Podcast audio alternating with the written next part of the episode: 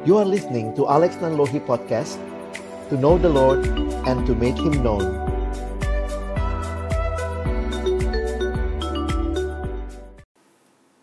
Mari kita berdoa. Biarlah pujian ini menyatakan kerinduan kami, Tuhan, bahwa hidup kami yang sekali, hanya satu kali di dalam dunia ini, kiranya menjadi hidup yang semakin hari semakin serupa denganmu. Terima kasih karena Tuhan telah membawa kami sampai sejauh ini. Memasuki sebuah jenjang pendidikan tinggi yang Tuhan izinkan kami boleh masuki. Tuhan tidak ada hal yang kebetulan. Semua adalah karya dan rencanamu yang agung. Dan kami bersama-sama merindukan ketika siang hari ini. Kami kembali akan membuka firman-Mu ya Tuhan. Kiranya bukalah juga hati kami. Jadikanlah hati kami seperti tanah yang baik. Supaya ketika benih firman-Mu ditaburkan. Itu boleh sungguh-sungguh berakar, bertumbuh, dan juga berbuah nyata di dalam hidup kami. Berkati hambamu yang menyampaikan, semua kami yang mendengar, Tuhan tolonglah kami semua. Agar kami bukan hanya jadi pendengar-pendengar firman yang setia, tapi mampukan dengan kuasa, dengan pertolongan dari rohmu yang kudus. Kami mampukan menjadi pelaku-pelaku firmanmu di dalam kehidupan kami, di dalam masa muda kami. Bersabdalah ya Tuhan, kami umatmu sedia mendengarnya. Di dalam satu nama yang kudus, nama yang berkuasa, nama Tuhan kami Yesus Kristus. Kami menyerahkan pemberitaan firman-Mu. Amin. Shalom teman-teman sekalian. Senang boleh ini namanya berzumpa ya, karena lewat Zoom. Nah, kali ini saya bersyukur kepada Tuhan untuk kesempatan boleh sharing firman Tuhan dengan teman-teman sekalian. Saya yakin saat ini dari berbagai pelosok ya, penjuru tanah air mungkin kalian berkumpul ada di dalam ruangan Zoom ini dan kita sama-sama ingin sekali lagi belajar akan kebenaran firman, kita boleh diteguhkan khususnya ketika kita memasuki satu tahapan baru di dalam perjalanan kehidupan teman-teman sekalian secara khusus. Nah, di awal ini uh, Bang Alex ingin kita juga boleh sharing satu sama lain. Wow, ada kurang lebih di layar saya 479 yang hadir. Nah, kita mau sama-sama share yuk. Tentu sharingnya pasti agak sulit dengan sebanyak ini. Tetapi saya ingin tanya kabar teman-teman. Silakan dijawab, tapi lihat aja gambar ini. Apa kabarmu hari ini? Yang mana yang paling mencerminkan kondisi perasaanmu saat ini ya? Pilihnya satu nomor aja ya. Silakan teman-teman boleh share supaya kita juga saling tahu kabar. Thank you. Aduh, ini macam-macam ya. Ada yang nomor 5. ya, sama ini ya. Wah, masih mager. Ada yang nomor 15, 10, 7. Silakan, apa pun yang kamu sedang rasakan. Apa kabarmu hari ini? Kita saling bertukar kabar ya. Ya. Dan silakan yang masih mau lanjut boleh, tapi kita akan lanjut melihat bagian firman Tuhan yang hari ini akan kita bahas. Hari ini kita akan melihat di dalam 2 Korintus pasal yang kelima. 2 Korintus pasal yang kelima, kita akan melihat ayat yang ke-15 sampai dengan ayat yang ke-19. Sedikit latar belakang kalau kalian tertarik membaca seluruh kitab 2 Korintus, ini nada suratnya begitu personal. Kenapa? Karena Paulus yang pernah melayani dan tinggal di Korintus, waktu itu Paulus dicurigai. Wah, paling nggak enak gitu ya. Dicurigai oleh orang yang dekat, yang kenal sama kita. Itu nggak nyaman. Nah, waktu itu dalam situasi mereka menanyakan atau mungkin mereka bertanya-tanya apakah Paulus ini tulus nggak sih melayani kita? Nah, kemudian kita melihat bagaimana Paulus menjabarkan bagaimana sebenarnya dia menerima pelayanan dari Allah dan kemudian dia melayani jemaat dengan ketulusan. Sehingga kita menemukan ayat-ayat yang indah seperti dia berkata, "Kamulah surat pujian kami." Dan itu menjadi bagian yang menarik Lalu di dalam ayat-ayat yang akan kita baca, Paulus juga menjelaskan bagaimana Tuhan memanggil dia. Tuhan mengubahkan dia. Dan akhirnya dia melayani Tuhan. Wow, ini seperti tema kita ya. Renewed image of God. Paulus mengerti betul apa yang Tuhan kerjakan dan kemudian dia meresponinya dengan tepat. Yuk kita lihat sama-sama ayatnya ya. 2 Korintus 5 ayat 15 sampai 19 kita akan membaca. Abang akan coba bacakan buat teman-teman sekalian. Dan Kristus telah mati untuk semua orang supaya mereka yang hidup tidak lagi hidup untuk dirinya sendiri, tetapi untuk Dia yang telah mati dan telah dibangkitkan untuk mereka. Sebab sebab itu kami tidak lagi menilai seorang juga pun menurut ukuran manusia. Dan jika kami pernah menilai Kristus menurut ukuran manusia, sekarang kami tidak lagi menilainya demikian. Nah, ini ayat terkenal ayat hafalan. Jadi siapa yang ada di dalam Kristus, ia adalah ciptaan baru. Yang lama sudah berlalu, sesungguhnya yang baru sudah datang. Dan semuanya ini dari Allah. Yang dengan perantaran Kristus telah mendamaikan kita dengan dirinya dan yang telah mempercayakan pelayanan pendamaian itu kepada kami. Sebab Allah mendamaikan dunia dengan dirinya oleh Kristus dengan tidak memperhitungkan pelanggaran mereka. Ia telah mempercayakan berita pendamaian itu kepada kami. Sedemikian jauh pembacaan firman Tuhan, berbahagialah kita yang bukan hanya membacanya, tetapi merenungkannya, menghidupinya, dan bahkan membagikannya. Teman-teman yang dikasihi dalam Tuhan Yesus Kristus, Paulus melihat hidupnya di dalam dua bagian besar ada hidup yang dia sadari ketika Kristus hadir dalam hidupnya, maka itu membawa kehidupannya seperti terbelah dua. Sebelum dia kenal Kristus, itu hidup yang lama, old life, dan kemudian setelah dia mengenal Kristus, itulah new life yang dia sampaikan. Karena itu Paulus tadi menuliskan siapa yang ada di dalam Kristus. Bukan hanya pengalaman Paulus, tetapi siapa pun yang ada di dalam Kristus, maka dia adalah ciptaan baru. Yang lama sudah berlalu, sesungguhnya yang baru sudah datang. Wow, kadang-kadang saya melihat sejarah menarik ya. Sejarah ini dituliskan dengan sebelum Kristus, before Christ, dan AD. AD itu Anno Domini, bahasa Latin. Anno atau tahun menjadi annual, lalu Domini adalah Tuhan atau Tuan. Jadi Anno Domini adalah tahun Tuhan kita, the year of our Lord. Bagaimana mungkin ada seorang pribadi yang kehadirannya membelah sejarah dunia menjadi dua, sebelum dan sesudah? Tetapi bukan hanya itu. Ini juga adalah pengalaman setiap orang yang membuka hatinya menerima Yesus. Sekarang aku ciptaan yang baru. Itu yang Paulus sampaikan. Ayo kita lihat sama-sama ya. Hari ini Bang Alex ingin kita fokus melihat satu ayat dan kita akan coba mempelajari bagian ini. Saya ajak kita fokus ke ayat 15-nya ya dan Kristus telah mati untuk semua orang, supaya mereka yang hidup tidak lagi hidup untuk dirinya sendiri, tetapi untuk Dia yang telah mati dan telah dibangkitkan untuk mereka. Kenapa saya memilih ayat ini? Karena di dalam ayat yang singkat ini, kita mendapat gambaran yang amat jelas tentang hidup yang mengalami Injil kasih karunia Allah. Ya, kita akan melihat tiga hal. Oke? Okay? Yang senang mencatat, yang senang mengingat, kita akan melihat tiga hal. Yang pertama dari ayat ini, perhatikan yang saya garis bawahi dengan warna yang berbeda. Hidup untuk dirinya sendiri. Ini hidup macam apa sih?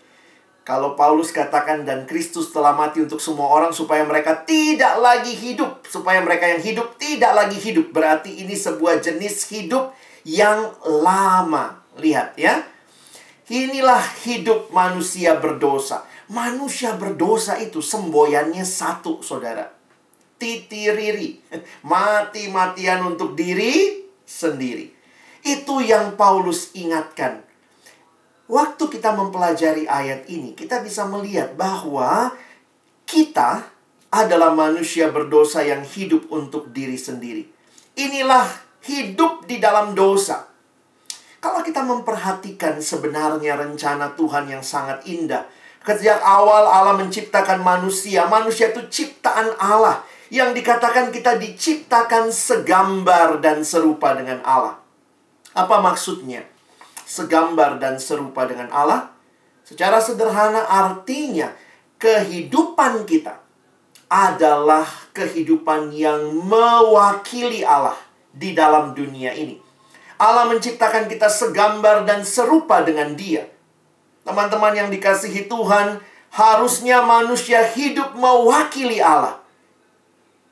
Bayangkan, kalau kita mengingat gambar dan rupa, saya ingat kalau pergi, ya, abang sering pelayanan ke sekolah-sekolah ya. Mungkin beberapa kalian, kalau di Jakarta dan sekitarnya, mungkin kita pernah ketemu waktu kalian ada di persekutuan siswa di sekolahmu. Nah, waktu itu saya datang ke salah satu SMP, saya ingat lalu kemudian saya tanya ya, biasanya gitu kan di depan kelas. Selain burung Garuda, biasanya ada siapa berdua di depan kelas? Ada presiden sama wakil presiden. Bukan presiden, wakil presiden ya sih, cuma fotonya ya. Nah, saya tanya sama anak-anak di kelas itu. Adik-adik, mana presiden kita? Terus semua langsung nunjuk di belakang saya, itu, itu, itu gitu ya. Maksudnya itu tuh ya. Terus saya bilang, numpang tanya, kalau itu presiden kita, di sekolahmu ada berapa presiden? Karena setiap kelas punya satu, begitu ya. Nah, makanya saya katakan itu bukan presiden kita, itu cuma fotonya. Itu cuma gambarnya. Jadi gambar itu adalah gambar yang mewakili aslinya, yaitu presiden. Tetapi gambar itu bukan presiden, itu cuma gambar bisa paham ya istilah manusia gambar Allah berarti manusia bukan Allah tetapi manusia adalah ciptaan yang dicipta menggambarkan Allah harusnya waktu orang lihat hidup manusia langsung ingatnya Allah ada nggak yang sudah begitu teman-teman begitu lihat hidupmu ih kamu Allah banget sih gitu ya Wih Allah banget. Nah kalau begitu wah itu tuh. Itu yang Tuhan harapkan ketika dia menciptakan manusia. Manusia menggambarkan Allah. Karakternya seperti Allah. Sifat-sifatnya, hidupnya seperti Allah. Sama kalau orang ditanya gitu ya, ada ditanya, pacarmu yang mana? Eh langsung dia buka dompet, terus dia tunjukin, ini pacarku.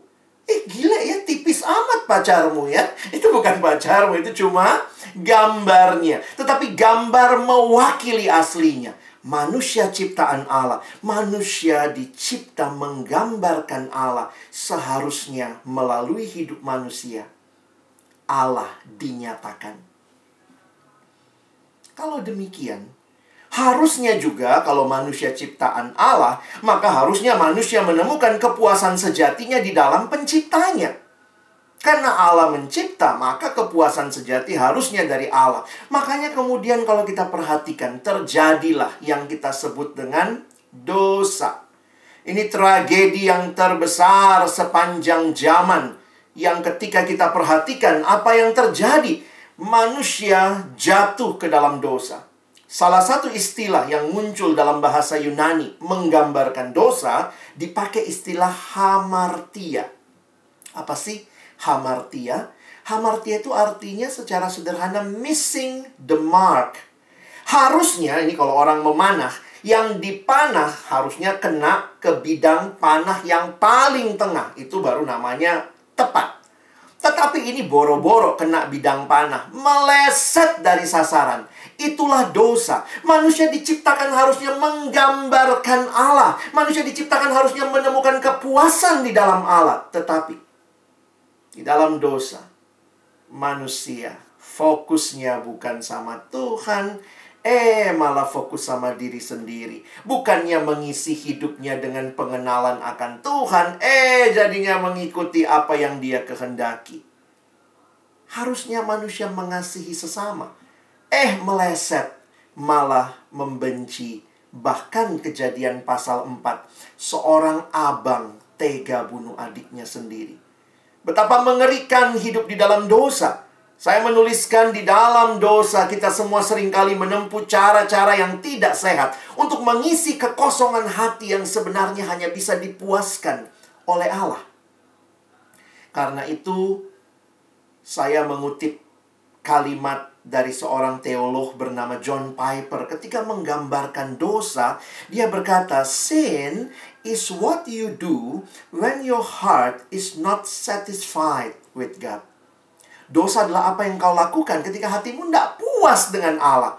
Harusnya kita puasnya di dalam Tuhan karena dia menciptakan kita, kita hidup bagi dia. Harusnya seperti itu, tapi dosa memutar balikan. Bukan Tuhan yang jadi pusat, tapi aku, aku dan aku. How do you spell sin? How do you spell sin? S I N. Ada yang berkata, what is sin? Sin is actually the I in the center. Aku yang paling utama, aku, aku dan aku. Yang paling penting adalah aku puas, aku senang, atau aku untung, aku aman, akulah segala-galanya. Boro-boro bicara Tuhan dan sesama. Sehingga perhatikan, di dalam dosa, manusia bukan hanya melanggar perintah Allah, bukan hanya mengisi hatinya dengan kepuasan-kepuasan yang salah, tetapi dosa digambarkan membelenggu manusia, menjerat manusia. Inilah gambar dan rupa Allah yang sudah jatuh dalam dosa, dibelenggu dalam dosa, dibelenggu itu artinya apa? Mau tidak mau jadi mau begitu ya. Karena sudah terbelenggu. Tidak heran Alkitab berkata, cerita akhirnya upah dosa ialah maut. Roma pasal 6 ayat 23a. Inilah cerita, akhir cerita manusia yang hidup di dalam dosa. Teman-teman, kalau melihat realita ini jadi sedih gitu ya. Bukankah harusnya manusia itu adalah image of God yang menggambarkan Allah? Tapi sekarang hancur di dalam dosa. Manusia tidak dapat menyelamatkan dirinya sendiri. Teman-teman, ada satu gambar yang waktu itu saya perhatikan. Kalau kalian googling ketemu nih gambar ini ya Sebenarnya ini sebuah gambar yang menarik ya. Kalau kalian googling ini judulnya Peter Drowning. Ya. Judulnya Peter Drowning. Maksudnya apa? Petrus tenggelam ya. Jadi sebenarnya gambar ini adalah perspektifnya Petrus. Jadi kalian ingat Petrus kan pernah tenggelam itu ya. Nah, waktu dia tenggelam, ya ini penulis atau pelukisnya membuat Petrus melihat ke atas dan di atas air ada Yesus yang mengelurkan tangan.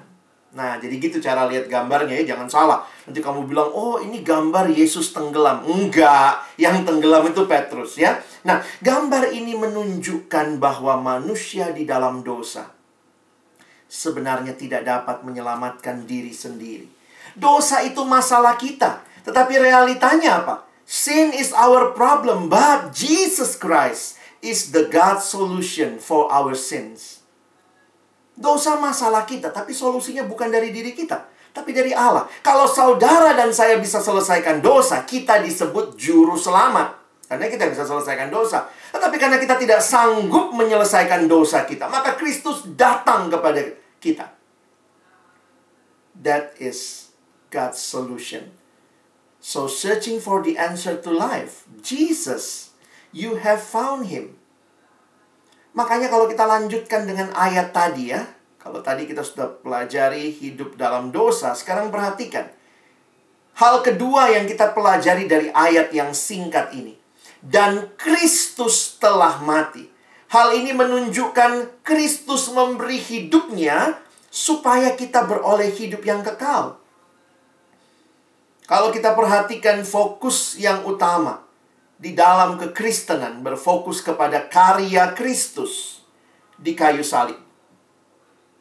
Kalau teman-teman memperhatikan ya, karya Kristus di kayu salib yang sungguh luar biasa. Inilah Kristus memberi hidupnya melalui pengorbanannya di kayu salib dan ini ditegaskan di dalam Yohanes 3 ayat 16. Demi apa Yesus datang? Supaya tidak binasa, tetapi beroleh hidup yang kekal. Dan teman-teman perhatikan Yesus sendiri berkata di dalam Yohanes 10 ayat 10. Pencuri datang hanya untuk mencuri dan membunuh dan membinasakan. Ini programnya si iblis. 3M. Mencuri, membunuh, membinasakan. Tetapi aku datang, Yesus datang.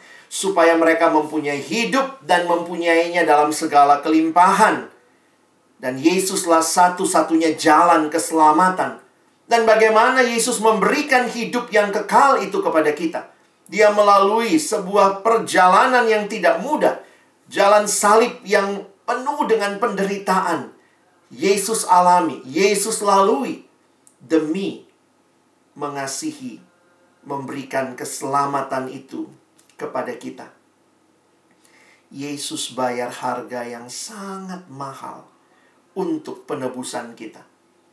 Sehingga setiap kali kita memandang salib itu, di salib itu menunjukkan betapa seriusnya dosa kita. Tapi ingat, di salib yang sama menunjukkan betapa kasih Allah yang tidak terukur.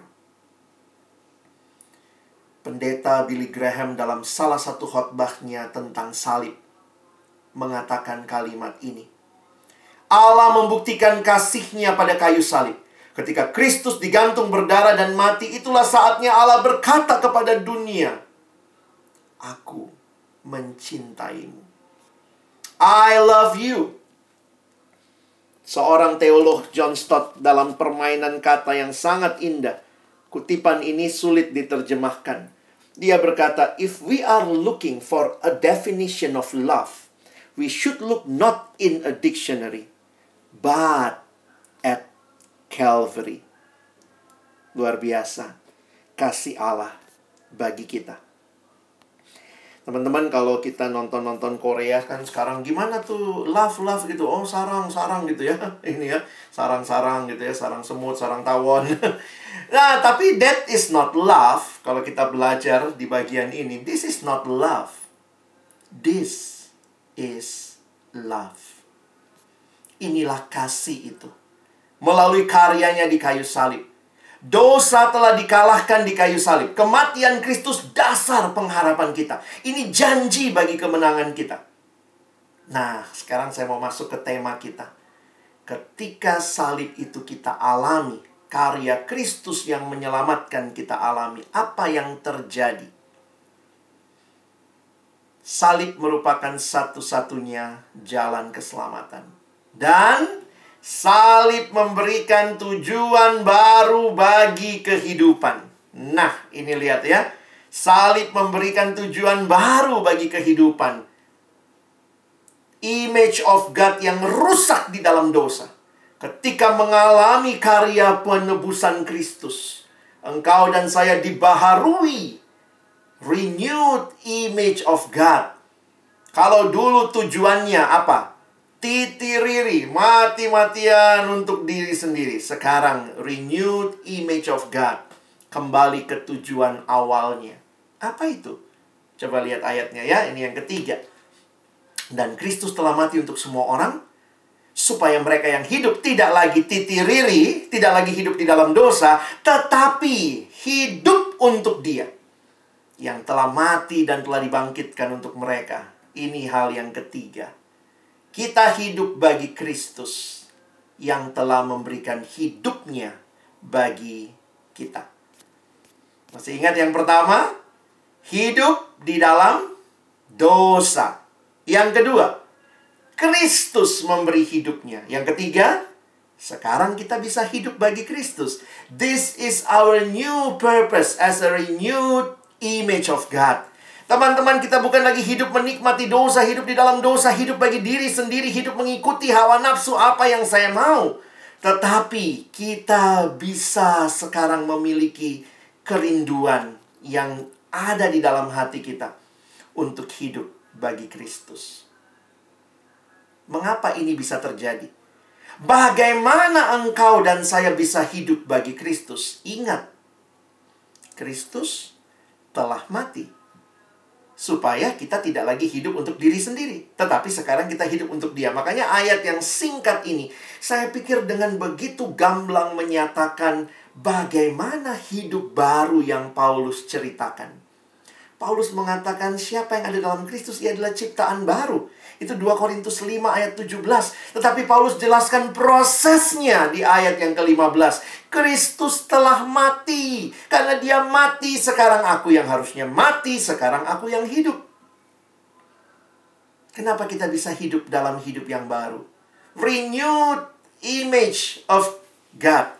Harusnya sekarang kan balik lagi ke tujuan awal ya. Waktu orang lihat hidup kita, orang mungkin akan ngomong gitu, ih Yesus banget sih. Wah, itu udah udah udah makin nyata tuh. Yes, berarti apa yang aku hidupi makin nyata kehidupan Kristus di dalamku.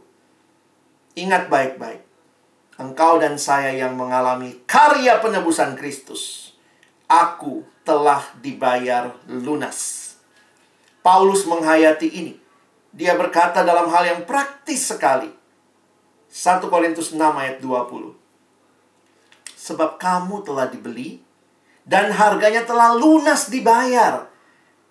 Karena itu muliakanlah Allah dengan tubuhmu. Ini menarik teman-teman ya.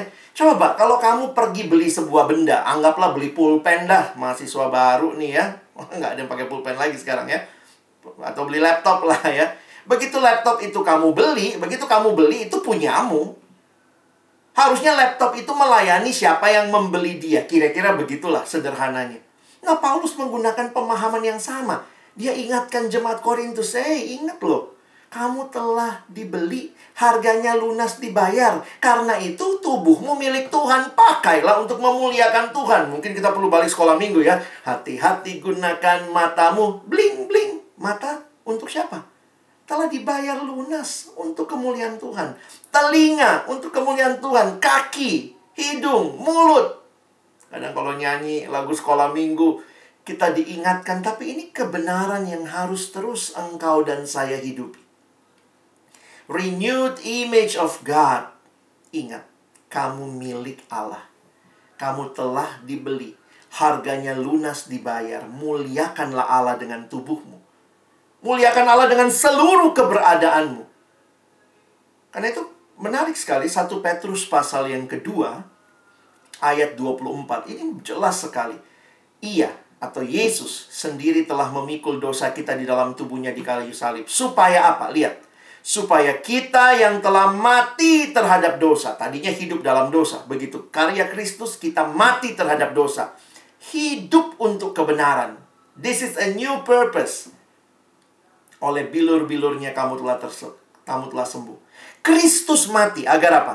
Agar kita hidup untuk kebenaran. Teman-teman yang dikasihi Tuhan alami karya Kristus yang memulihkan, menyelamatkan, membaharui. Dan para rasul, ini kan kita belajar Paulus ya. Sebenarnya ada ayat juga kalau kalian bisa lihat di Petrus 1 Petrus 1 18 19. Saya kutip lagi seorang rasul yang lain Yohanes 1 Yohanes 2 ayat 6 kalimatnya menarik. Barang siapa mengatakan bahwa ia ada di dalam dia, di dalam Kristus, ia wajib hidup sama seperti Kristus hidup. Kita dikasih sebuah standar kehidupan yang baru. This is our renewed life. Bukan lagi hidup menikmati dosa. No. Dan ayat ini sebenarnya bagi saya menarik ya. Tuhan nggak bilang gini, siapa yang ada dalam Kristus, ya wajib hidup sama seperti pendetanya, sama seperti guru agamanya, sama seperti dosen agamanya, sama seperti orang tuanya. Manusia bisa gagal, tapi kita diberikan standar sama seperti Kristus hidup. Tidak heran remaja di Amerika menggunakan sebuah bracelet, sebuah gelang dengan tulisan WWJD mereka mengingatkan diri, this is not my life. Kalau saya sudah ditebus, sekarang saya hidup bagi Allah. Saya hidup seperti Kristus. Karena itu mereka selalu tanya, what would Jesus do? Nah, itu pertanyaan untuk mengingatkan ya. Saya ini anak Tuhan ya. Nah, Yesus kan anak Allah. Saya ini harus mirip seperti Yesus. Nah, kira-kira kalau Yesus diajak temannya pornografi, what would Jesus do ya? Kalau Yesus diajak temannya untuk iri hati, what would Jesus do? Kalau diajak temennya untuk gosip, what would Jesus do? Hidup yang dibaharui selalu bertanya, Tuhan, apa yang engkau mau aku lakukan? Bukan lagi aku mau apa, tetapi engkau mau apa Tuhan dalam hidupku. Dan ini prosesnya seumur hidup teman-teman ya. Sebuah perjalanan rohani terus bertumbuh, terus bertumbuh. Ini satu-satunya mata kuliah yang tidak ada wisudanya di dunia ya. Nanti wisudanya di surga ya. Mata kuliah mengenal Allah, bertumbuh terus kenal Tuhan, terus kenal Tuhan. Engkau dan saya belum pernah selesai dalam perjalanan mengenal Tuhan. Kan itu saya bersyukur teman-teman.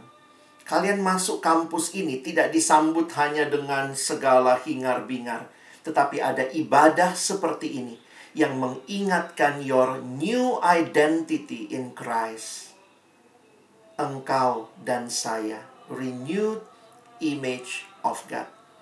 Saya harap ini jelas bagi kita. Sehingga ketika kita menjalani hari-hari perkuliahan kita ke depan, hari-hari kita boleh bergabung bersama sebagai bagian daripada ITB ini. Kita tidak hanya merasa saya orang yang masuk sini karena bagus, ujian saya, saya pinter, saya beruntung, saya segala macam, tapi saya ada di sini, ada rencana Tuhan.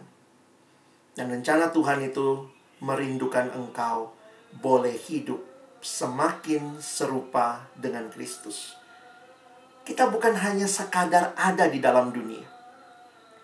Banyak orang kok bisa masuk ITB, buktinya kan kita cuma berapa persen dari semua mahasiswa yang diterima.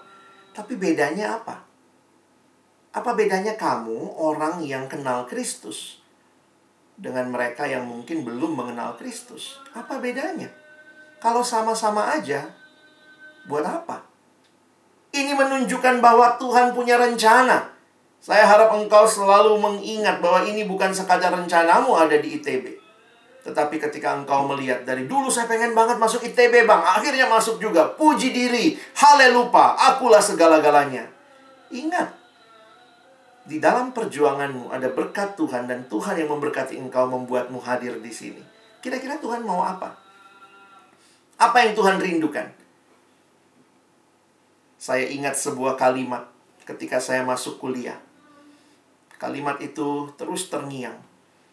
Kalau engkau punya cita-cita yang besar buat dirimu, kalau orang-orang di sekitarmu punya cita-cita yang besar untuk dirimu. Saya ingat ya, saya dulu kuliah di UI. Saya dapat jalur undangan juga. Zaman saya namanya PMDK, jadi bebas tes. Jadi itu banyak mimpi-mimpi dititip ya, mimpi guru ya. Alex, kamu baik-baik di sana ya, jangan malu-maluin sekolah kita. Saya ingat tuh dikasih tahu begitu ya. Nanti kalau nggak adik-adik kelasmu nggak dapat lagi undangan tahun depan. Ada titipan dari orang tua, saya anak daerah, pergi ke Jakarta, merantau. Wah, anakku baik-baik di sana ya, jaga diri. Banyak mimpi orang tua, mimpi guru. Saya juga punya mimpi. Tapi hari itu, ketika saya masuk kampus dan ada ibadah seperti ini, saya tertegun dan saya ingat kalimat, "Kalau engkau punya cita-cita besar untuk dirimu, kalau orang-orang di sekitarmu punya cita-cita yang besar untuk dirimu, maka penciptamu pasti punya cita-cita yang jauh lebih besar dari semua cita-cita itu digabung sekali sekalian."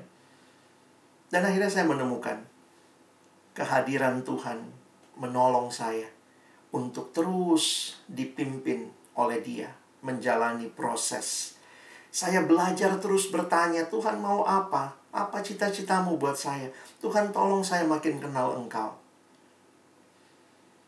Seorang bernama Bapak Dawson Trotman, pendiri dari pelayanan para navigator, memberikan sebuah gambar yang mudah diingat. Ini disebut sebagai ilustrasi roda. Ayo bayangkan seperti apa hidup orang Kristen yang taat. Dia menggambarkan seperti sebuah roda. Kalau kalian ingat roda, roda itu yang mutar porosnya ya. Makanya dia katakan di pusat hidup harus ada Tuhan. Karena itulah yang menggerakkan seluruh hidup. Proses pembaharuan itu terjadi ketika Kristus ada di pusat hidup. Buka hatimu terima Yesus. Tapi sesudah itu, alami pembaharuan itu. dia menggambarkan ada dua macam jari-jari. Satu yang vertikal hubungan dengan Tuhan, satu yang horizontal hubungan dengan sesama. Gambarannya bagaimana? Yang vertikal hubungan dengan Tuhan, saya bicara sama Tuhan namanya doa. Tuhan bicara sama saya lewat firman. Makanya dari sekolah minggu mah kita udah tahu ya bagaimana bertumbuh adik-adik. Baca kitab suci, doa tiap hari kalau mau, kalau mau tumbuh. Harusnya kita bukan hal baru ya. Saya nggak tahu, coba evaluasi hidupmu berdasarkan lagu itu. Baca kitab suci, doa tiap hari kalau mau tumbuh. Atau jangan-jangan lagu kita berubah tidak baca kitab suci, tidak doa tiap hari, tidak bertumbuh. Kalau engkau dan saya mau tahu kehendak Tuhan, mau tahu apa yang jadi rencananya dalam hidupmu, pertanyaannya apakah engkau sudah menikmati hidup di dalam Dia? Bukan sekadar hidup asal hidup, belajar asal belajar, tetapi benar-benar mengalami relasi dengan Tuhan. Inilah hidup yang dibaharui. Yang kemudian kamu melalui relasi itu pun makin hari makin dibentuk. Tapi ternyata bukan cuma vertikal ya. Ada juga yang horizontal. Makanya yang horizontal, Bapak dosen Trotman membaginya dua hal. Dengan sesama orang percaya, kita harus rajin bersekutu. Makanya itu ke dalam ya. Persekutuan. Bagaimana dengan mereka yang belum percaya? Kita hadir untuk bersaksi, kita hadir untuk melayani. Karena itu, mari nikmati kesempatan bertumbuh yang Tuhan berikan juga. Ketika engkau ada di kampus ini, saya pikir tidak kebetulan di kampus ITB ada sebuah persekutuan mahasiswa Kristen, PMK ini bukan cuman aduh masa agama lain punya kita nggak punya. Yuk bikin yuk biar eksis. Enggak. Ini adalah kerinduan Allah untuk membangun hidupmu terus di dalam dia. Nikmati persekutuan. Tetapi kemudian bukan berhenti bersekutu di antara kita. Jaga persekutuan baik-baik. Nikmati bertumbuh di dalamnya Nanti ada mungkin kelompok-kelompok bertumbuh, KTB-KTB, kelompok-kelompok bisa belajar firman bersama, nikmati itu. Tapi juga ingat, Tuhan panggil kita untuk mela melayani. Bagaimana dengan mereka yang belum percaya? Bagaimana dengan orang-orang di sekitar kita? Maka ingat, Tuhan panggil engkau untuk juga melayani dan bersaksi. Di mana dasarnya? Lihat ini yang Paulus bilang, masih di ayat yang kita baca tadi ya ayat 18. Dan semua ini dari Allah. Wah, Paulus sadar, semua dari Allah. Yang dengan perantaran Kristus telah mendamaikan kita dengan dirinya. Asik, saya didamaikan dengan Allah. Dulu saya dalam dosa, saya mati. Sekarang saya hidup, saya berelasi dengan Tuhan. Tapi perhatikan, tidak berhenti sampai situ.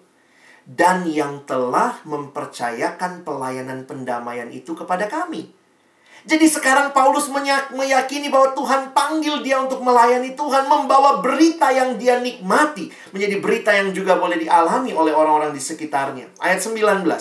Sebab Allah mendamaikan dunia dengan dirinya oleh Kristus dengan tidak memperhitungkan pelanggaran mereka. Ia telah mempercayakan berita pendamaian itu kepada kami. Nanti kalian lihat lagi sedikit ada ayat di bawahnya waktu Paulus berkata, "Berilah dirimu didamaikan dengan Allah.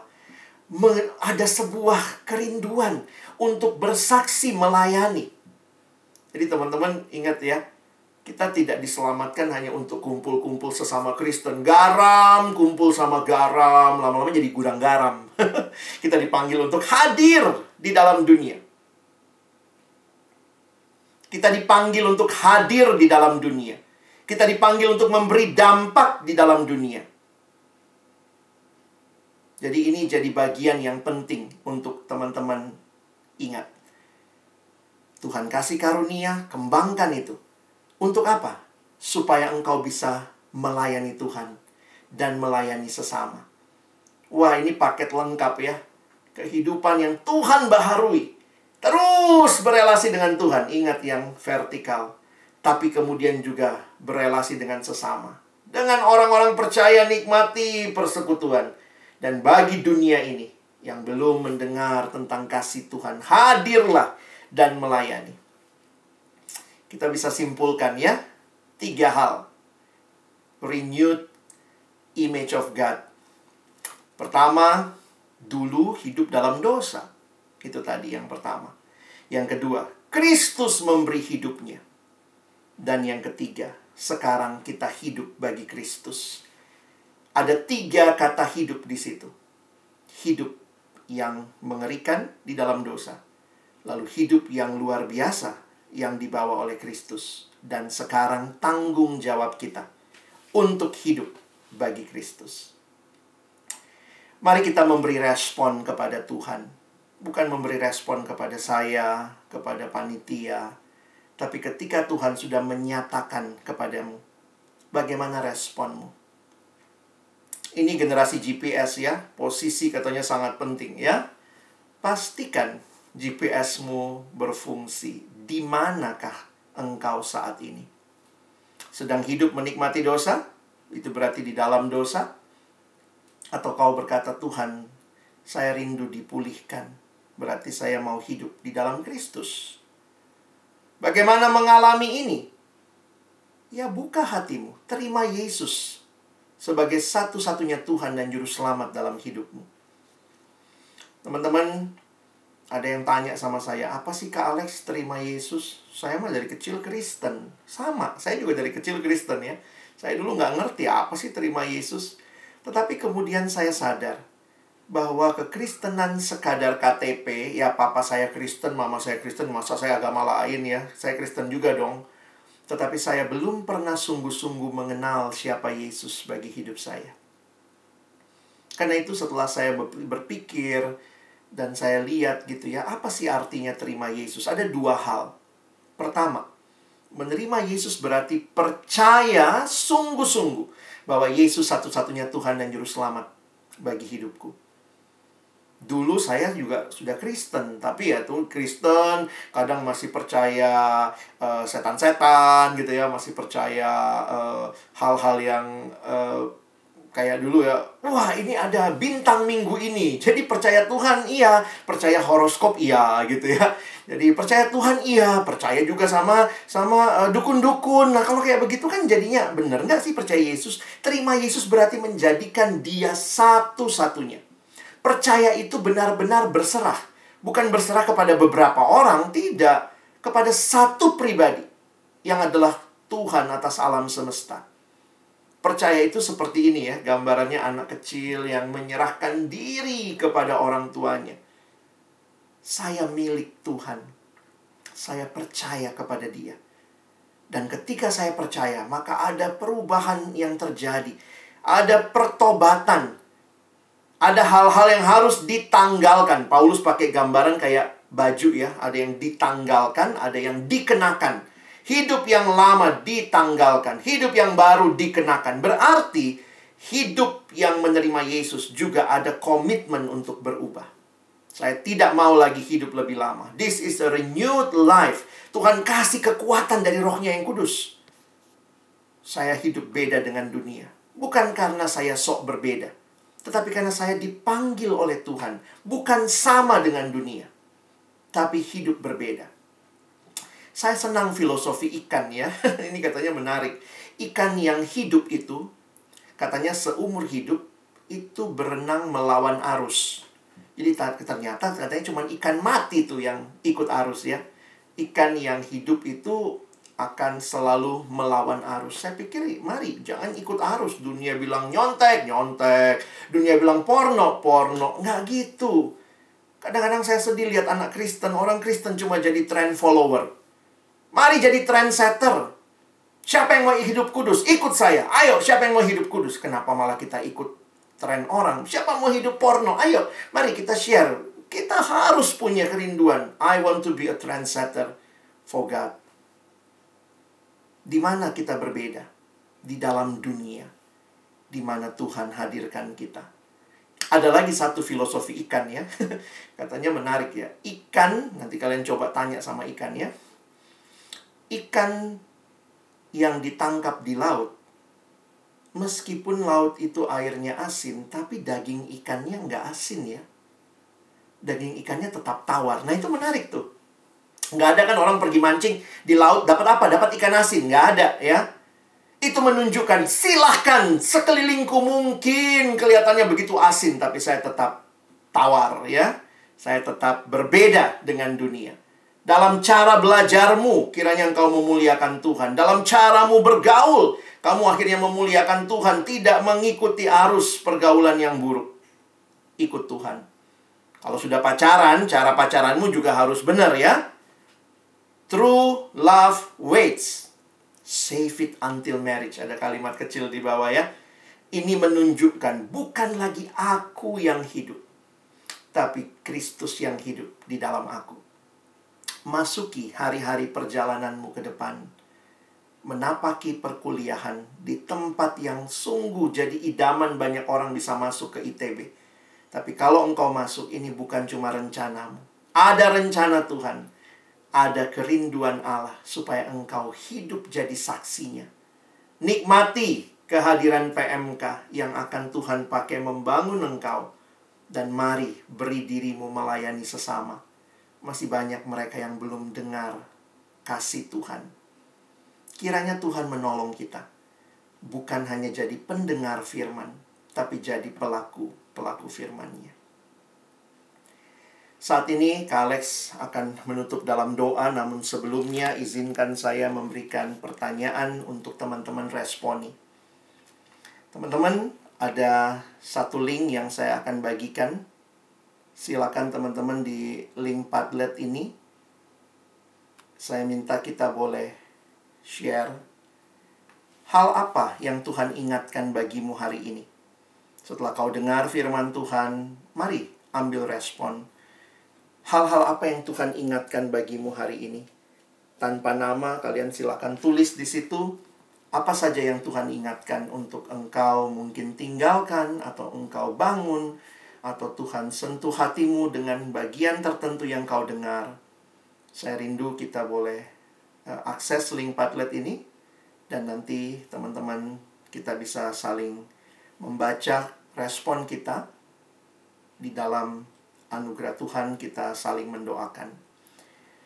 Bapak Surgawi, terima kasih kami telah mengalami kehidupan yang ditebus, dimerdekakan, dibaharui di dalam Kristus.